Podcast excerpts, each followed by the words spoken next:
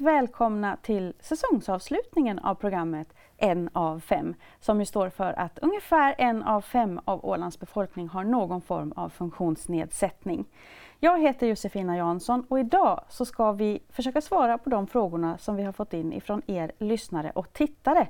Och då är det frågor som ska ställas till KST, det vill säga kommunernas socialtjänst på Åland, och till FPA, Folkpensionsanstalten, här på Åland. Så vi har gäster i studion ifrån dessa myndigheter och eh, i den här första delen av programmet så ska vi prata just med KST då, som står för kommunernas socialtjänst på Åland. Vi har Andrea Björnhuvud med oss som är områdeschef, välkommen! Mm, tack! Och så har vi Veronica Snellman som är ledande socialarbetare med oss, välkommen! Tack! Och alldeles snart ska vi också få träffa Ann-Kristin Österbacka som är boendekoordinator. Men vi måste börja med att höra lite grann, för många kan KST, den här bokstavskombinationen, låta lite sådär eh, svår att förstå. Vad är KST för någonting? Mm. KST står ju då för kommunernas socialtjänst och eh, kommunernas socialtjänst så tog över då från januari 2021 så tog vi över då all socialservice förutom barnomsorg och äldreomsorg. Och inom KST så finns det då fyra verksamhetsområden då som har klientrelationer och det är tidigt stöd barn och familj, barnskydd, vuxen, socialt arbete och funktionsservice och sysselsättning. Och vi som är här nu så representerar då funktionsservice och sysselsättning. Ja, för KST är stort mm. och vi försöker angränsa oss och det har vi försökt säga också till lyssnarna och tittarna att det ska handla om just eh, frågor som har med funktionsservice eller olika former av funktionsnedsättning. Men det kan ju vara lite svårt förstås, både för för klienter och, ja, folk överlag. Så att ni får hjälpa oss att, att hitta rätt här helt enkelt. Men ska vi börja med att ha lite allmänt, eh, sådär, vad, vad, kan ni erbjuda för till exempel för olika stödformer för personer med funktionshinder på KST? Mm. Uh, det kan ju vara, mm, en klient kan ju behöva liksom enstaka insatser eller så har man då väldigt omfattande behov av, av hjälp och stöd. Då. Och på vårat, inom vår verksamhetsområde då så, så beviljar vi ju service då på, på basen av lag. Och det är ju då socialvårdslagen och så är det då handikappservicelag och förordning och sen har vi då specialomsorgslag. Och vi har också närstående vårdstöd för under 65. Mm. Så ganska mycket ändå får man säga. Mm. Så här på en hum, vet ni hur många anställda som, som jobbar inom just den här områdena? Eh, I hela KST är ungefär 250 anställda och inom funktionsservice och sysselsättning så är det ungefär 60 procent men exakt antal anställda har vi nog inte i, huvudet tror jag. Men just den här, mm.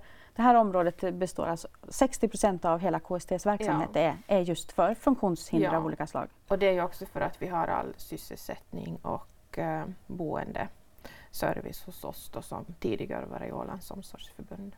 Just det. Nå, vi ska försöka beta av några av de här frågorna som har kommit in till oss ifrån eh, lyssnare och tittare. Och en utav, eller flera faktiskt, men, men vi kan börja med den första som handlar om färdtjänsten. Eh, och här har de skrivit att när KST bildades så blev det en del ändringar i ersättningar från vad klienten tidigare blivit beviljad. Till exempel så upplever någon här att det har blivit färre eh, beviljade färdtjänstresor i månaden. Eh, nu ligger det, om jag förstått det, på en, en nivå av 18 tur och, alltså inte tur och tur, men enkelresor i månaden. Eh, hur har ni resonerat när, när ni liksom bestämde den nivån? Den här 18-resorsnivån är, är riksomfattande på färdtjänst.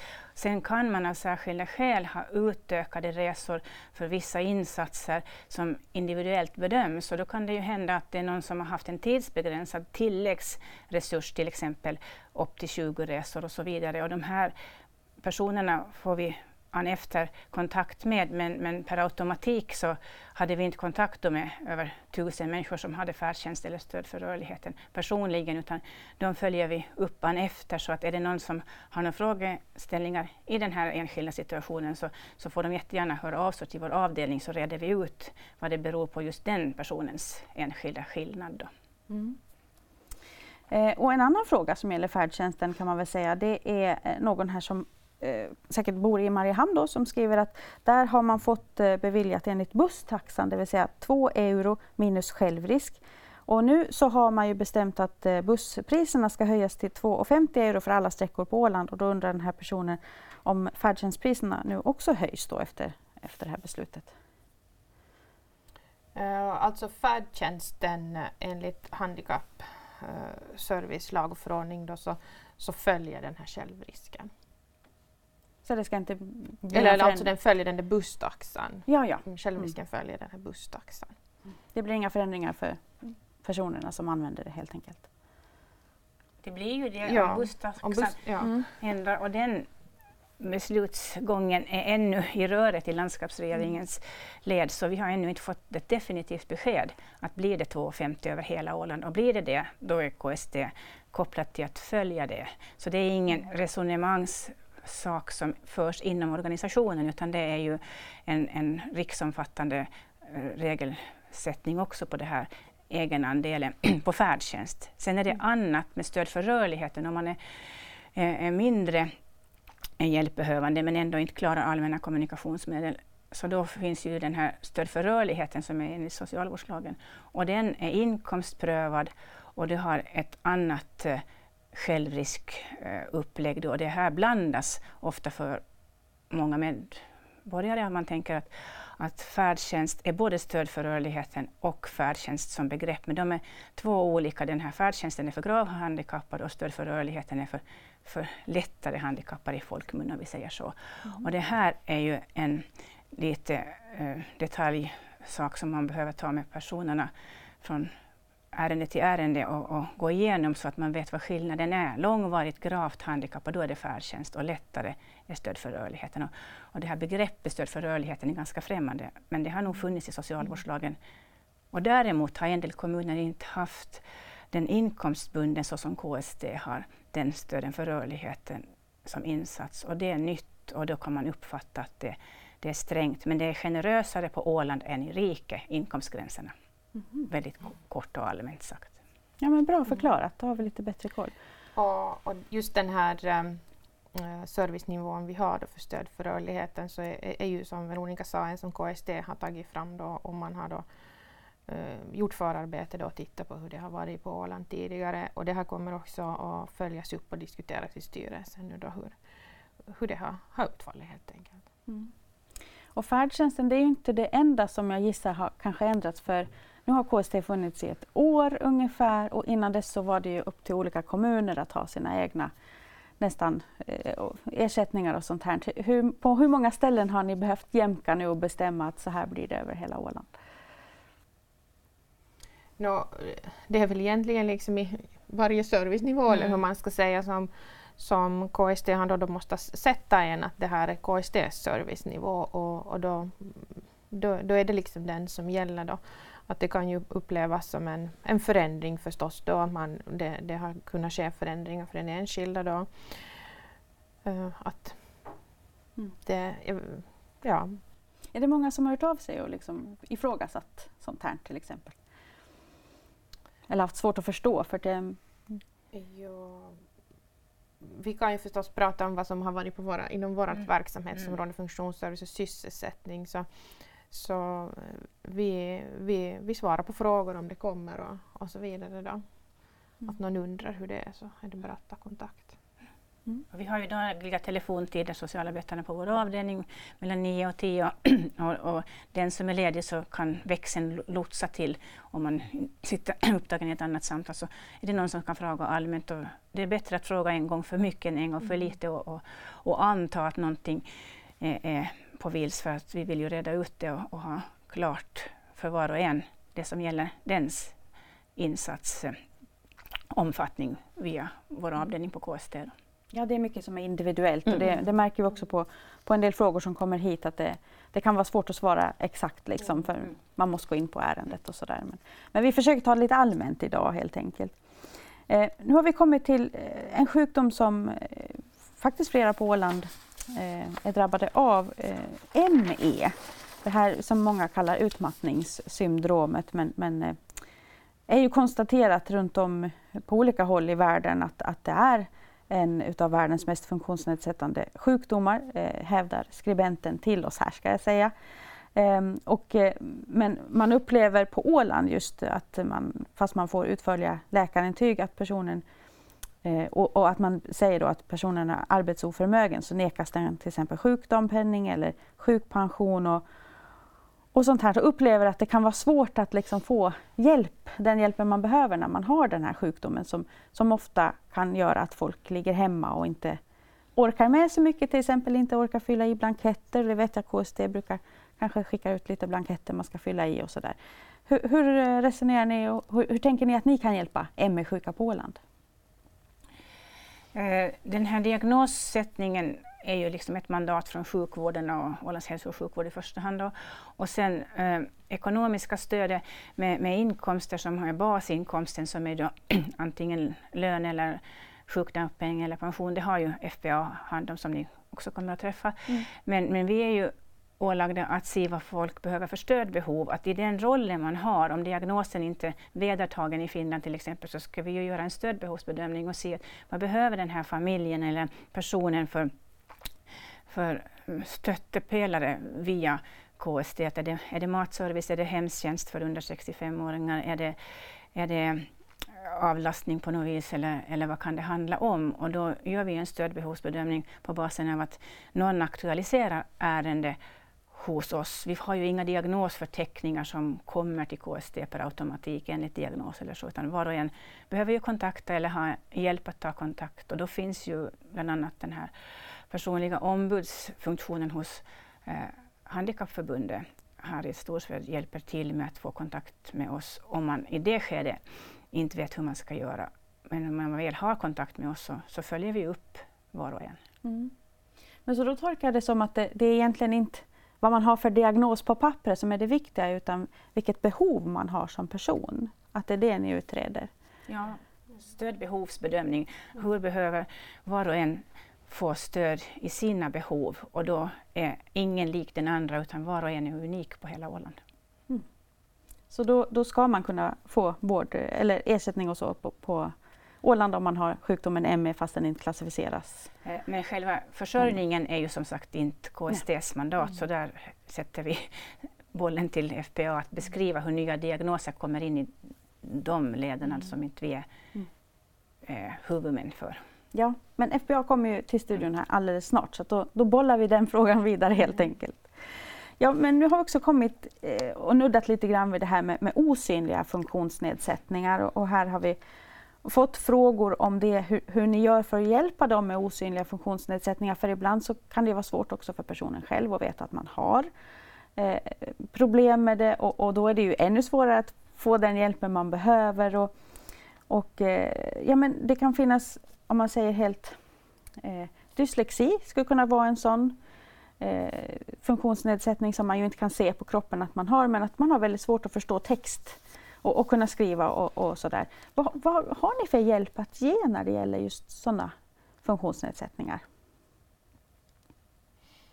Det är väl lite samma, samma svar här som på den tidiga frågan, att, att, eh, tidigare frågan att, att det är den här liksom stödbehovsbedömningen där som man gör och, och, kan få olika typer av insatser. Då, men det är ju individuellt liksom, eh, vad som kan vara det mest lämpliga och, och hur, hur den hjälper liksom bäst. Och, och här har vi nog också att, att eh, om man behöver hjälp med de här blanketter eller annat material som behöver lämnas in till oss så, så, så är det att, att ta kontakt då, och, och man kan bara ringa på telefontiden som Veronica sa och, och säga att man, man behöver liksom få stöd i det här att, att man får in sina uppgifter.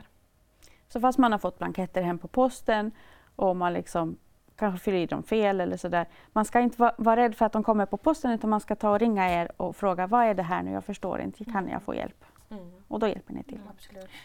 Ja, vi har ju en, en, försöker ha en låg tröskel nu att, att den här själva blanketten är inte liksom A och O, att den är, det finns inte rätt och fel. Utan har man ett namn och en kontaktuppgift och, och ringer på eller så, så vi kan också expediera svarskuvert, att man får skicka tillbaka om man har svårt att ombesörja att skicka in sina handlingar. Så bara man anhängiggör att vi får in någonting eller hjälps åt att få det och, och formulera det, så, så den som blir kontaktperson då, så, så får analysera vad det handlar om, att, att det kommer igång ärende och sen så följer man upp det och var och en får en kontaktperson. Och är det mera omfattande ärenden med många insatser, då får man också en egen socialarbetare.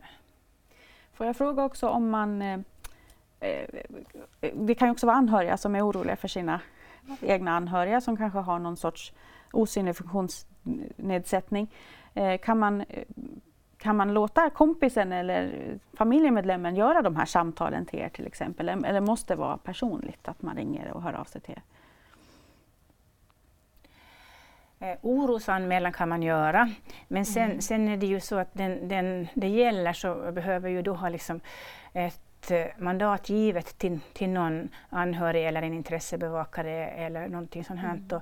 så att, att det inte blir missförstånd, för ibland kan en anhörig i bästa väl vilja ha en annan uppfattning än man själv och, och så länge man är, är liksom sin egen aktör så, så, så, så är det i första hand individen själv. Och, och sen så samverkar vi ju med nätverket för mm. viktigt nätverk runt är ju A och O för mm. många med begränsningar över lång tid i livet som vi jobbar med. Då. Mm. Men, men om man är kallad på ett möte och ser, då får man ha med sig någon till exempel? Ja, ja, vi bjuder ju ofta in de viktiga mm. människorna bara vi har identifierat dem, att vi har dem med. Mm. Ja, så här långt så har vi fått svar på, på, flera frågor och vi ska få svar på ännu fler men, men vi ska faktiskt tacka Veronica Snellman som eh, har varit med oss och så ska vi eh, istället prata lite mer om boendestöd här alldeles strax. Tack. Tack för mig.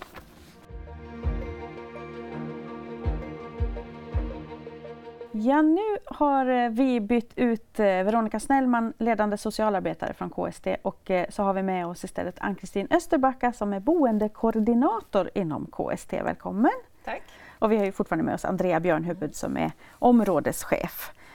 Och vi har ett par frågor kvar att ställa och de passade dig bättre så därför bjöd vi in dig till studion här.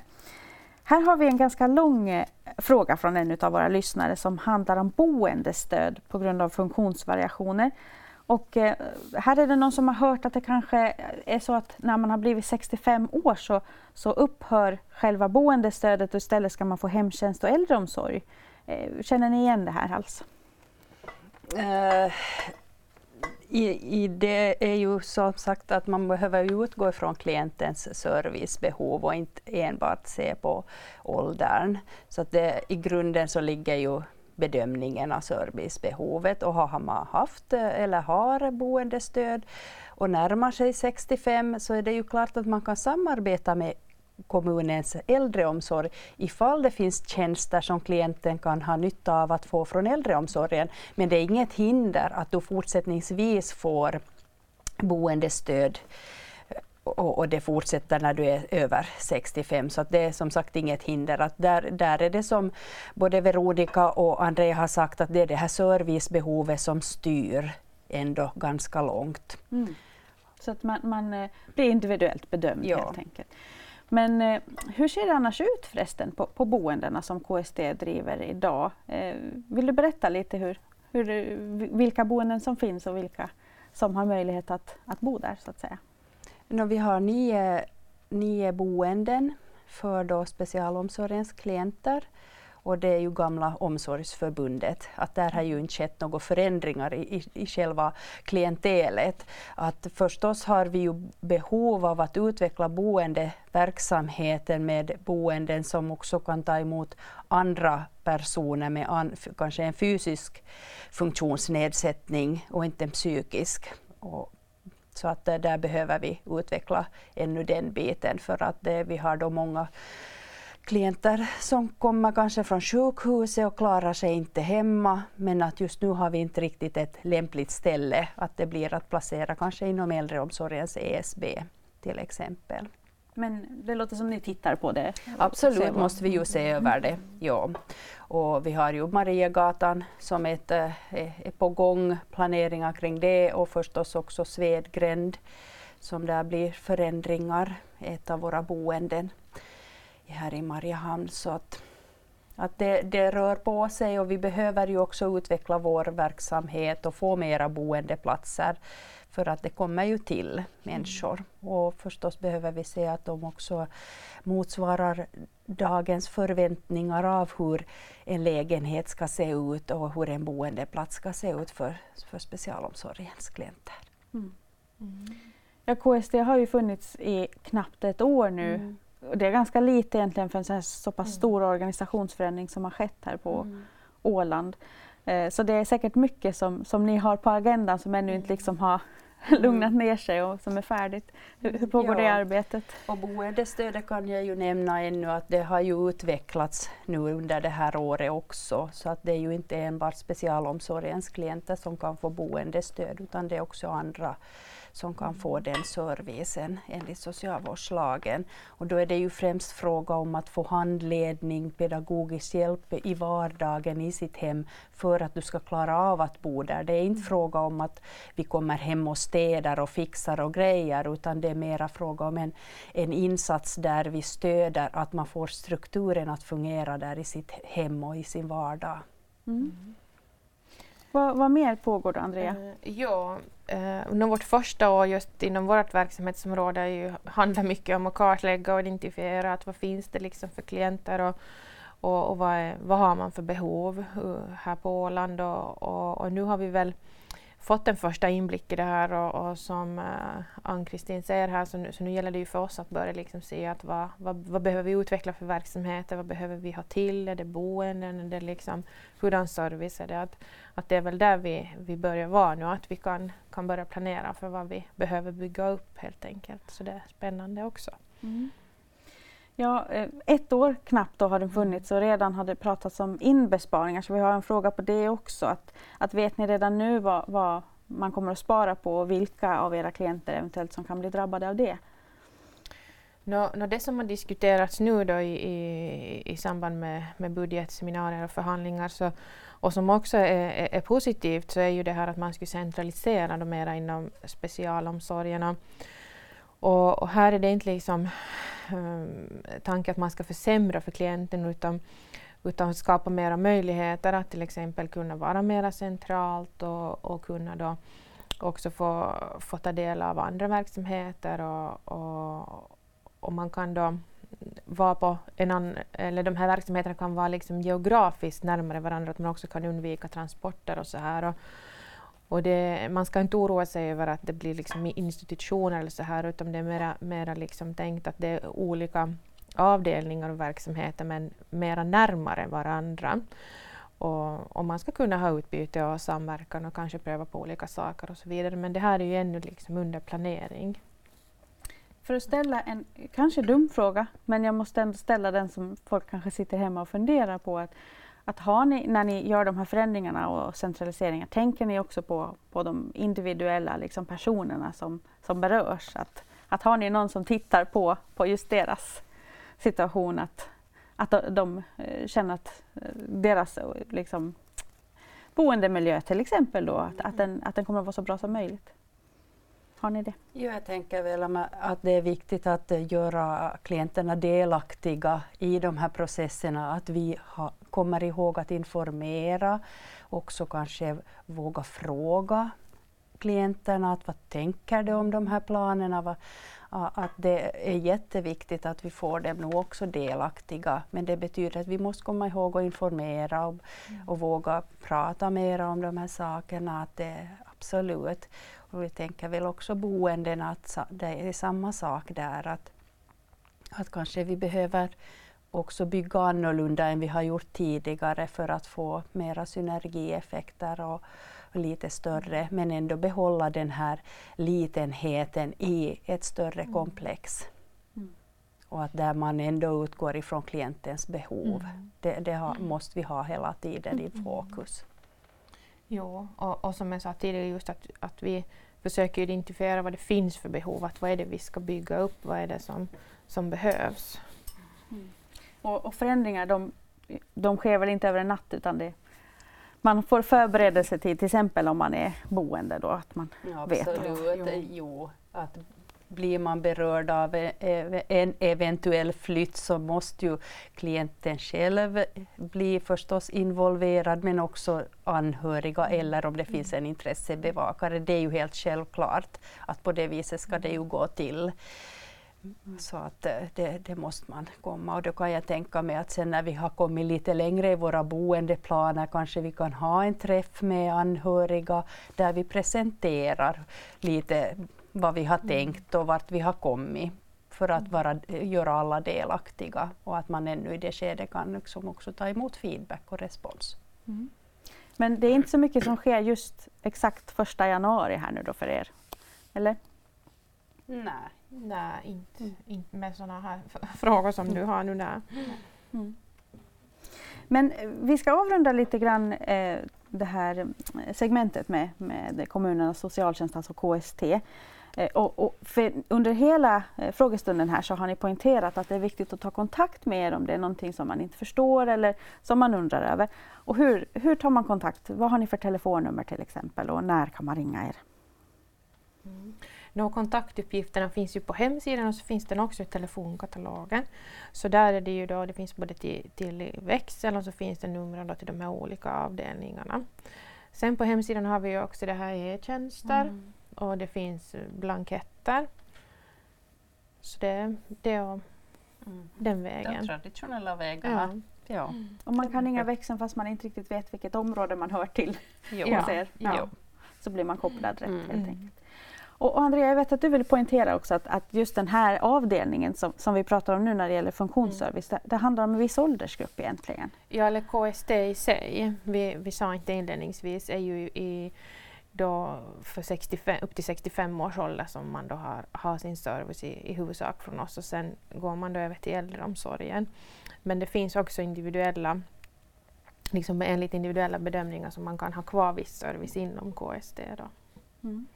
Och där behöver vi säkert ännu utveckla processerna, mm. hur, vi, hur vi samarbetar med äldreomsorgen, att, att det inte blir så här per automatik att när man är 65 så åker man över till äldreomsorgen. Mm. Absolut, så vill vi inte att det ska se ut, att det ska nog finnas en, ett samarbete däremellan.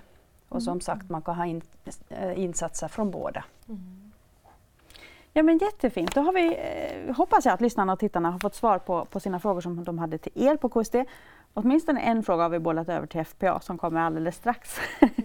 så att eh, jag får tacka er så mycket för att ni kom hit och då hade vi Andrea Björnhuvud som är områdeschef på KSD och så har vi Ann-Kristin Österbacka också som är boendekoordinator och Veronica Snellman som är ledande socialarbetare på KST. Tusen tack och, och gott nytt år till er! Mm. Tack detsamma! Tack detsamma.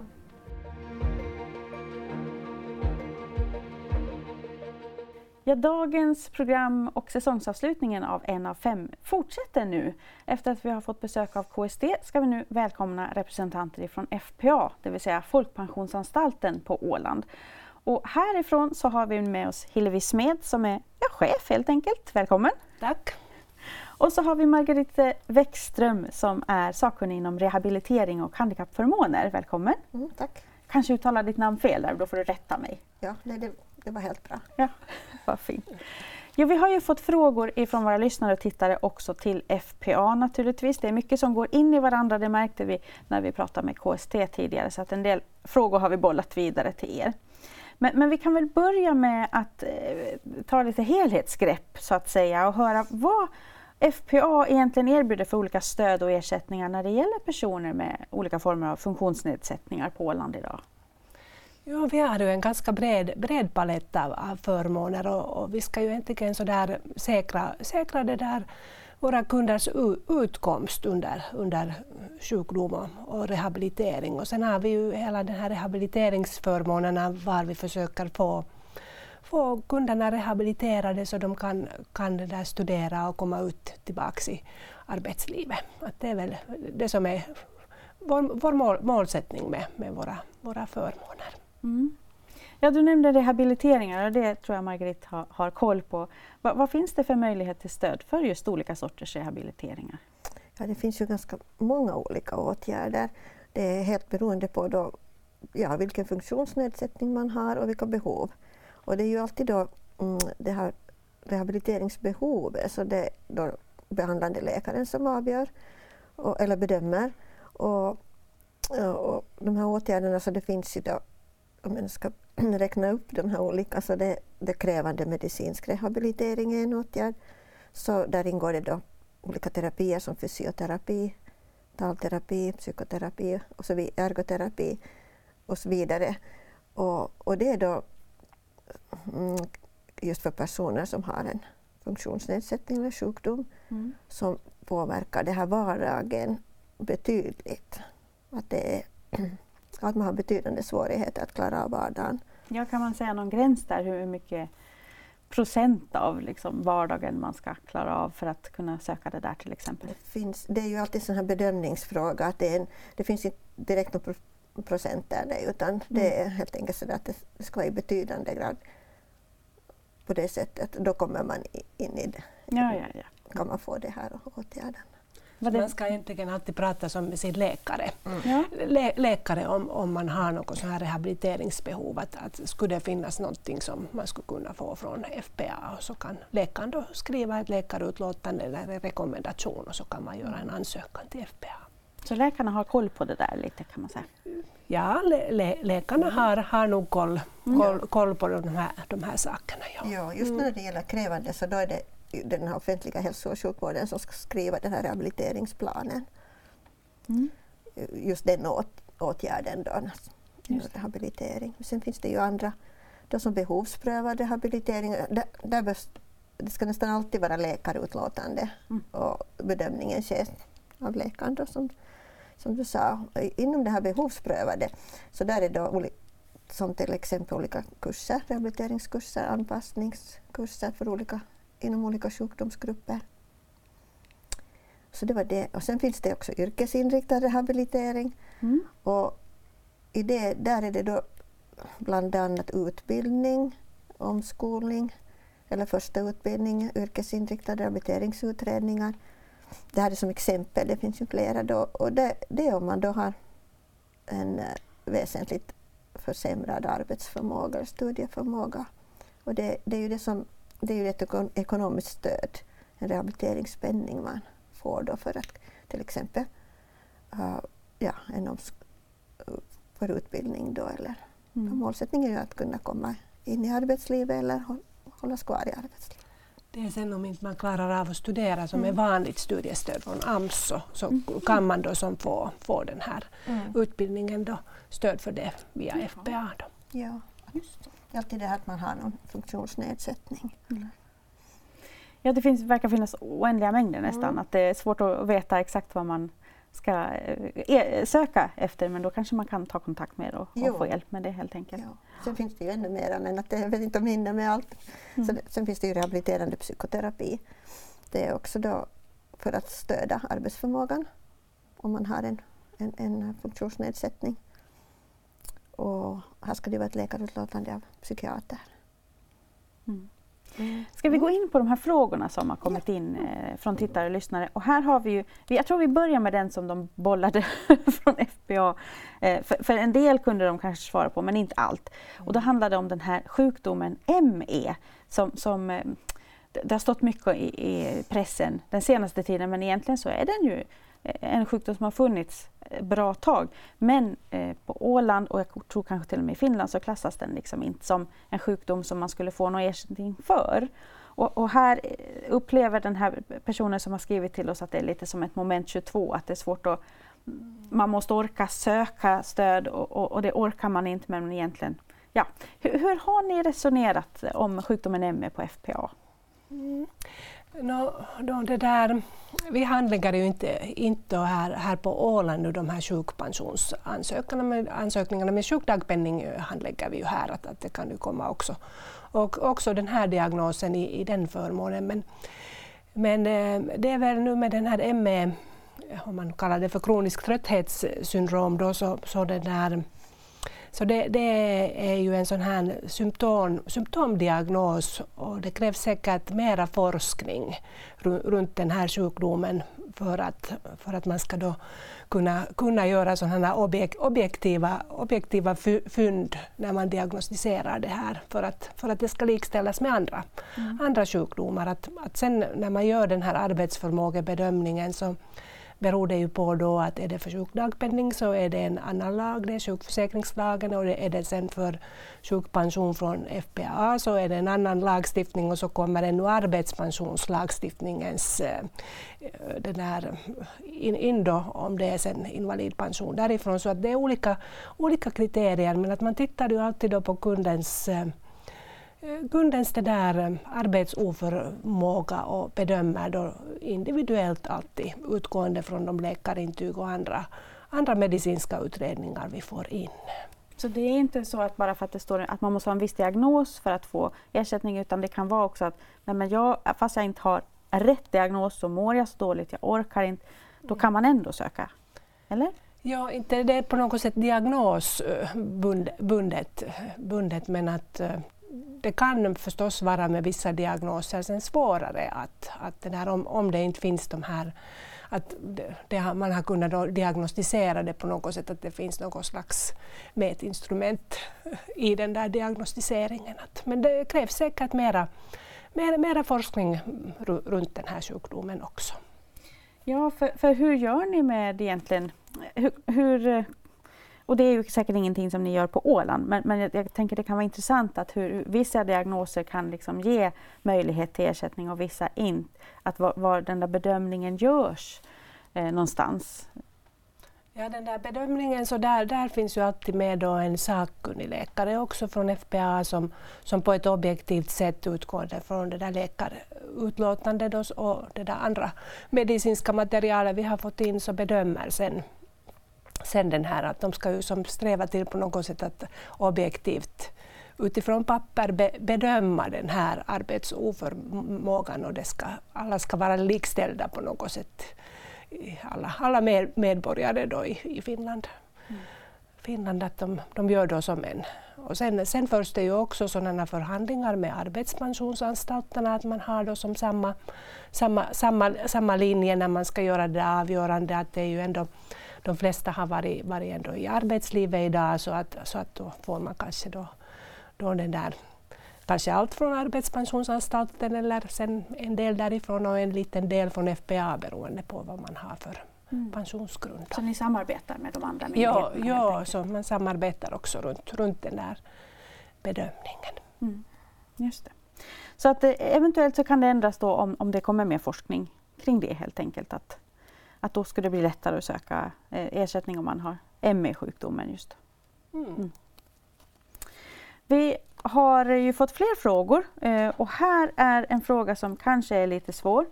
Ehm, det är, eh, handlar om om man bor på ett av KSTs boende eller liksom har en sån funktionsnedsättning kan man väl säga då.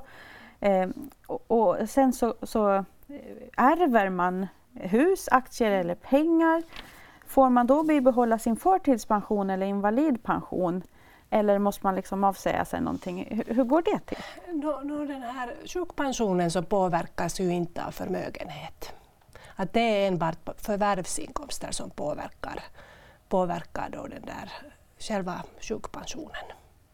Att, eh, sen om man har bostadsbidrag för pensionstagare så den påverkas ju av förmögenhet. Mm -hmm. Så, så den, och där har jag lite nu då lunta, luntar här i mitt papper att, att om man är då en, ensamstående och har bostadsbidrag för pensionstagare så, och då har man en förmögenhet som överstiger 16 623 euro, det är nu 2021 års siffror ännu, så då räknar man då, beaktar man 8 procent av den andel som överstiger det här beloppet som förmånstagarens inkomst. Mm. Så att man får, man får ändå ha lite förmögenhet också, också då, då det där i, i det där bostadsbidraget. Men bostadsbidraget påverkar det, men, mm. men inte sjukpensionen. Det kan ju vara bra att veta, jag tänker också föräldrar som, som tänker på framtiden och, och mm. om man har ett barn till exempel ja. som, som lever på det här viset så, så då, då vet om, om det finns någon gräns helt enkelt som mm. man ska hålla sig vid eller så. Ja. Bra. Eh, här har vi också eh, fråga om långtidssjukskrivning.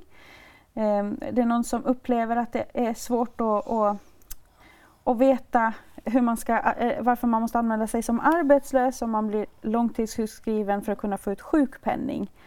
Eh, och jag vet inte, har de uppfattat det korrekt här för det första?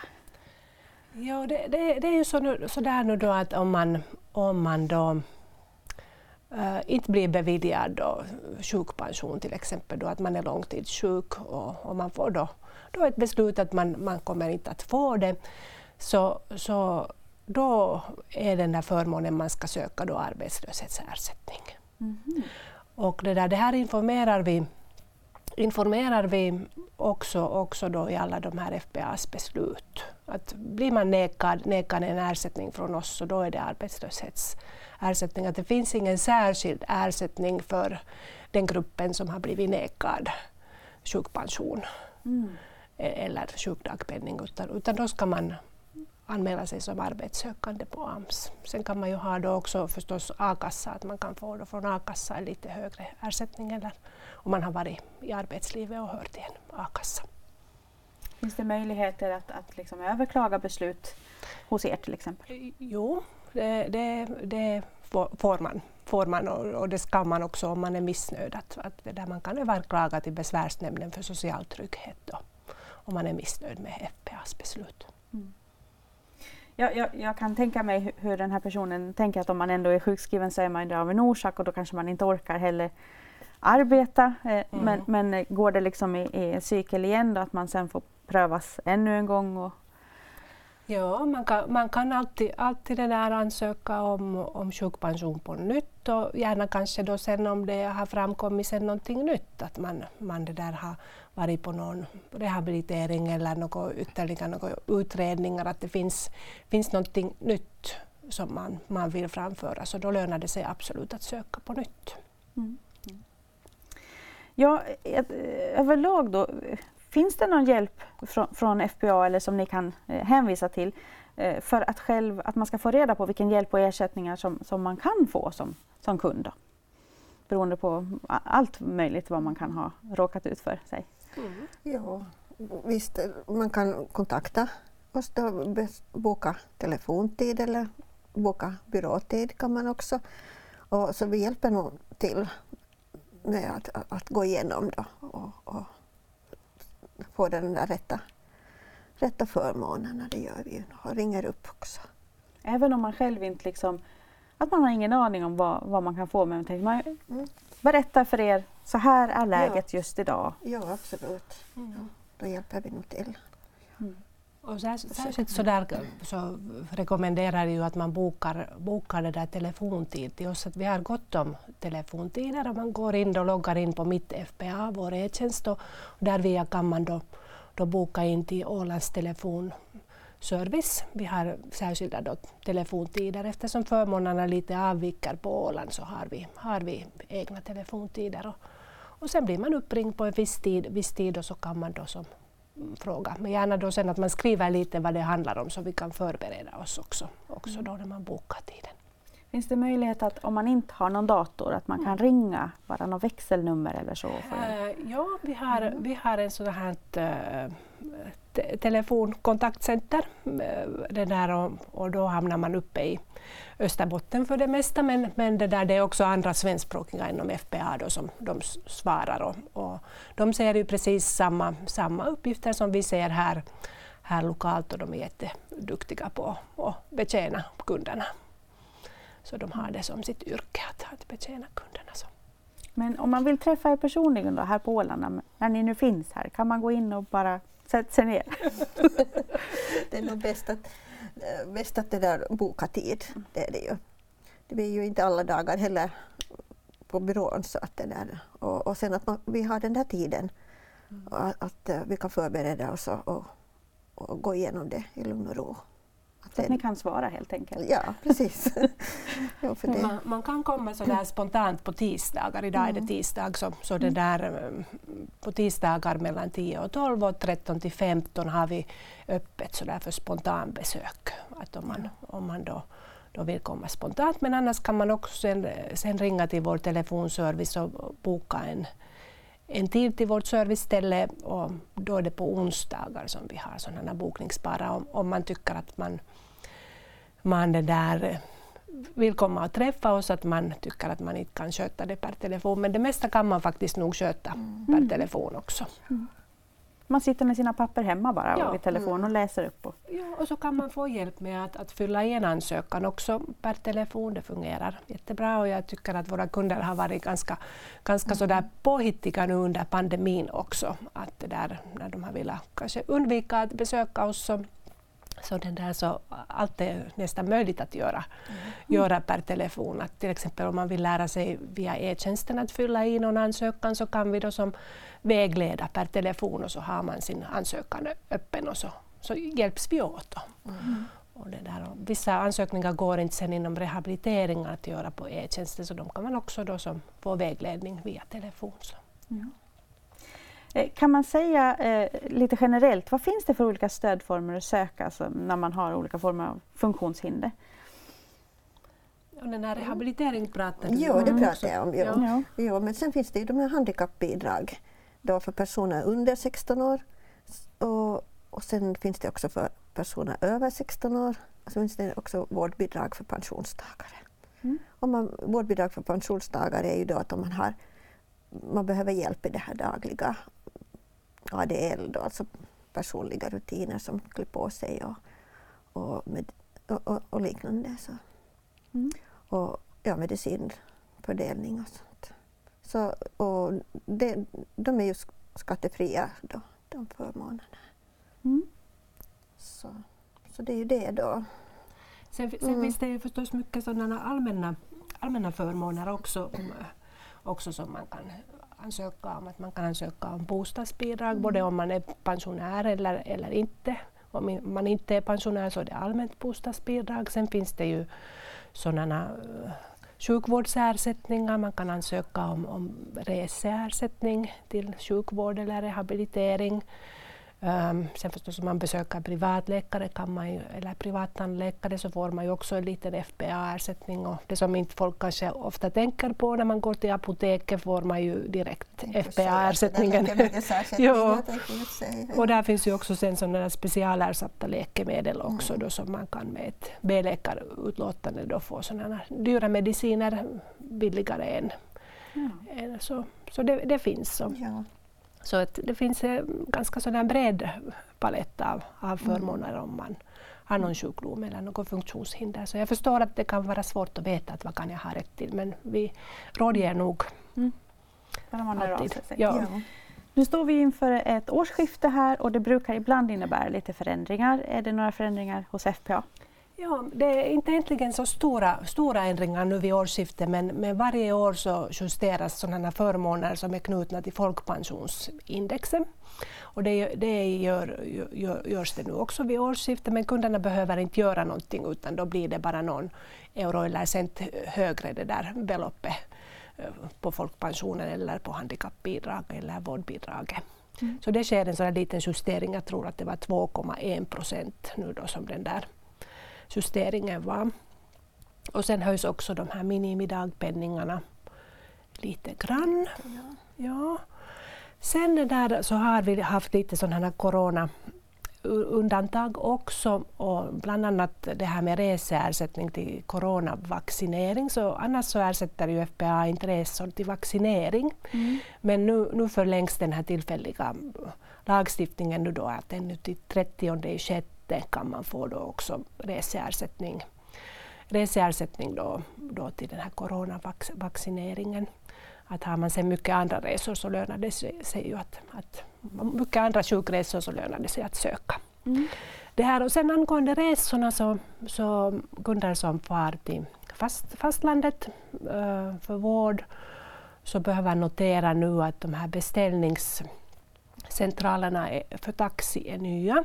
Mm. Man kan ju inte ta bara vilken taxi som helst utan man måste ringa de här beställningscentralerna och boka den här taxin för att få den här FPA, reseersättningen. Och, och nu är, de, nu är det de nya, nya taxiserviceproducenter då från, och det är två stycken per område. Att far man till exempel till Åbo så, så är det två nya. Mm. Förr fanns det bara en och kunden får sen välja vilken, vilken beställningscentral man beställer från. Just det. Så det är.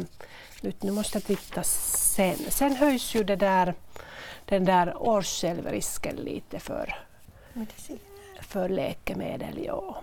Mm. Så den blir 592,16. Vad har den varit tidigare? 579 och 78 är det 2021. Men det som kanske nu då inte riktigt har nu med, så mycket med funktionshinder kanske att göra så det blir en ganska stor sådan familjepensionsreform nu från första första 2022 som delvis då lite, lite förbättrar, förbättrar nu, nu försörjningen för sam, sambor. Att där, sam, sambor har ju inte tidigare kunnat få efterlevande pension men nu är, nu är det då som, som, som möjligt, möjligt då sen efter, efter nyår. Men där finns vissa kriterier då att paret ska ha bott i gemensamt hushåll i minst fem år utan avbrott och att, att uh, deras då minderåriga barn bor då i samma hushåll som förmånslåtaren och den efterlevande partnern. Då. Mm. Sen blir det lite försämringar också i de där familje pensionerna då för de som är födda 1975 eller senare så, så blir den här efterlevande pensionen tidsbunden. Att man bara kan då få det uh, maximalt då i tio år sen, sen då partnern avled. Så att det blir mm. lite sen försämringar i, i, i, för den här yngre, generationerna. Då. Förstår. Men det här är ju ändå sånt som också kan beröra personer med ja, funktionsnedsättningar. Ja, det kan också beröra, ja. Men det är en sådan allmän familjepensionsreform som gäller både arbetspensionssidan och sen, sen det där FPA. Mm. Så man kan kolla upp det lite bättre och framförallt så ska man höra av sig också till er på FPA ifall man undrar någonting och inte förstår mm. allt som papperna som kommer hem kanske. Så kan man höra av sig. Ja, men ofta, ofta är det så att läser man våra beslut så står det ganska bra och vi har blivit faktiskt lite duktiga, duktigare nu på kanske att formulera de här våra beslut lite bättre. Att oftast, oftast står det att att vad ska jag göra sen? Att har mm. jag fått nu då som nekande beslut om sjukpension så då, då ska jag söka arbetslöshetsförmån. Mm. Att det står oftast i våra beslut det som som, som det där du ska göra sen, sen när du har fått, fått vårt beslut. Eller om du ska då ansöka om fortsättning. Så det står ofta, ofta ganska bra och tydligt om man orkar läsa våra beslut. Men det låter ju bra. ja. Pedagogiskt och bra. Ja. Mm. Det, det, tycker vi är bra. Är det någonting mer som ni vill tillägga eller eh, har vi tagit det mesta nu med, med FPA också? No, där i den där mitt FPA så, så får man gärna gå in och godkänna den där meddelandetjänsten. Mm. För då, då är det så att om inte vi får tag, tag på kunden då per telefon så då kan vi skicka ett sådant meddelande där och så plingar det i telefon att nu har du ett meddelande i mitt FPA. Och då kan vi få den här tilläggsutredningen snabbare. Och där kan man också ställa frågor till, till oss. Att om, man, om man tycker att man inte vill ringa så då kan man ställa sin fråga där och så, så är det någon hos oss sen som svarar. På, på nätet helt enkelt? Ja, på nätet ja. ja. Ja men jättefint. Tusen tack för att ni kom hit och svarade på lyssnarnas frågor. Hillevi Smeds, chef på Folkpensionsanstalten på Åland, FPA. Eh, och Margarete Wäckström som alltså är sakkunnig inom rehabilitering och handikappförmåner. Tack till er och också tack till eh, representanter från KST som har varit med oss idag och tack till er som har tittat och lyssnat. Nu kommer programserien En av fem att eh, ta lite säsongsuppehåll och återkommer i höst igen, nästa höst alltså 2022. Så ta hand om er och tack för att ni har tittat och lyssnat.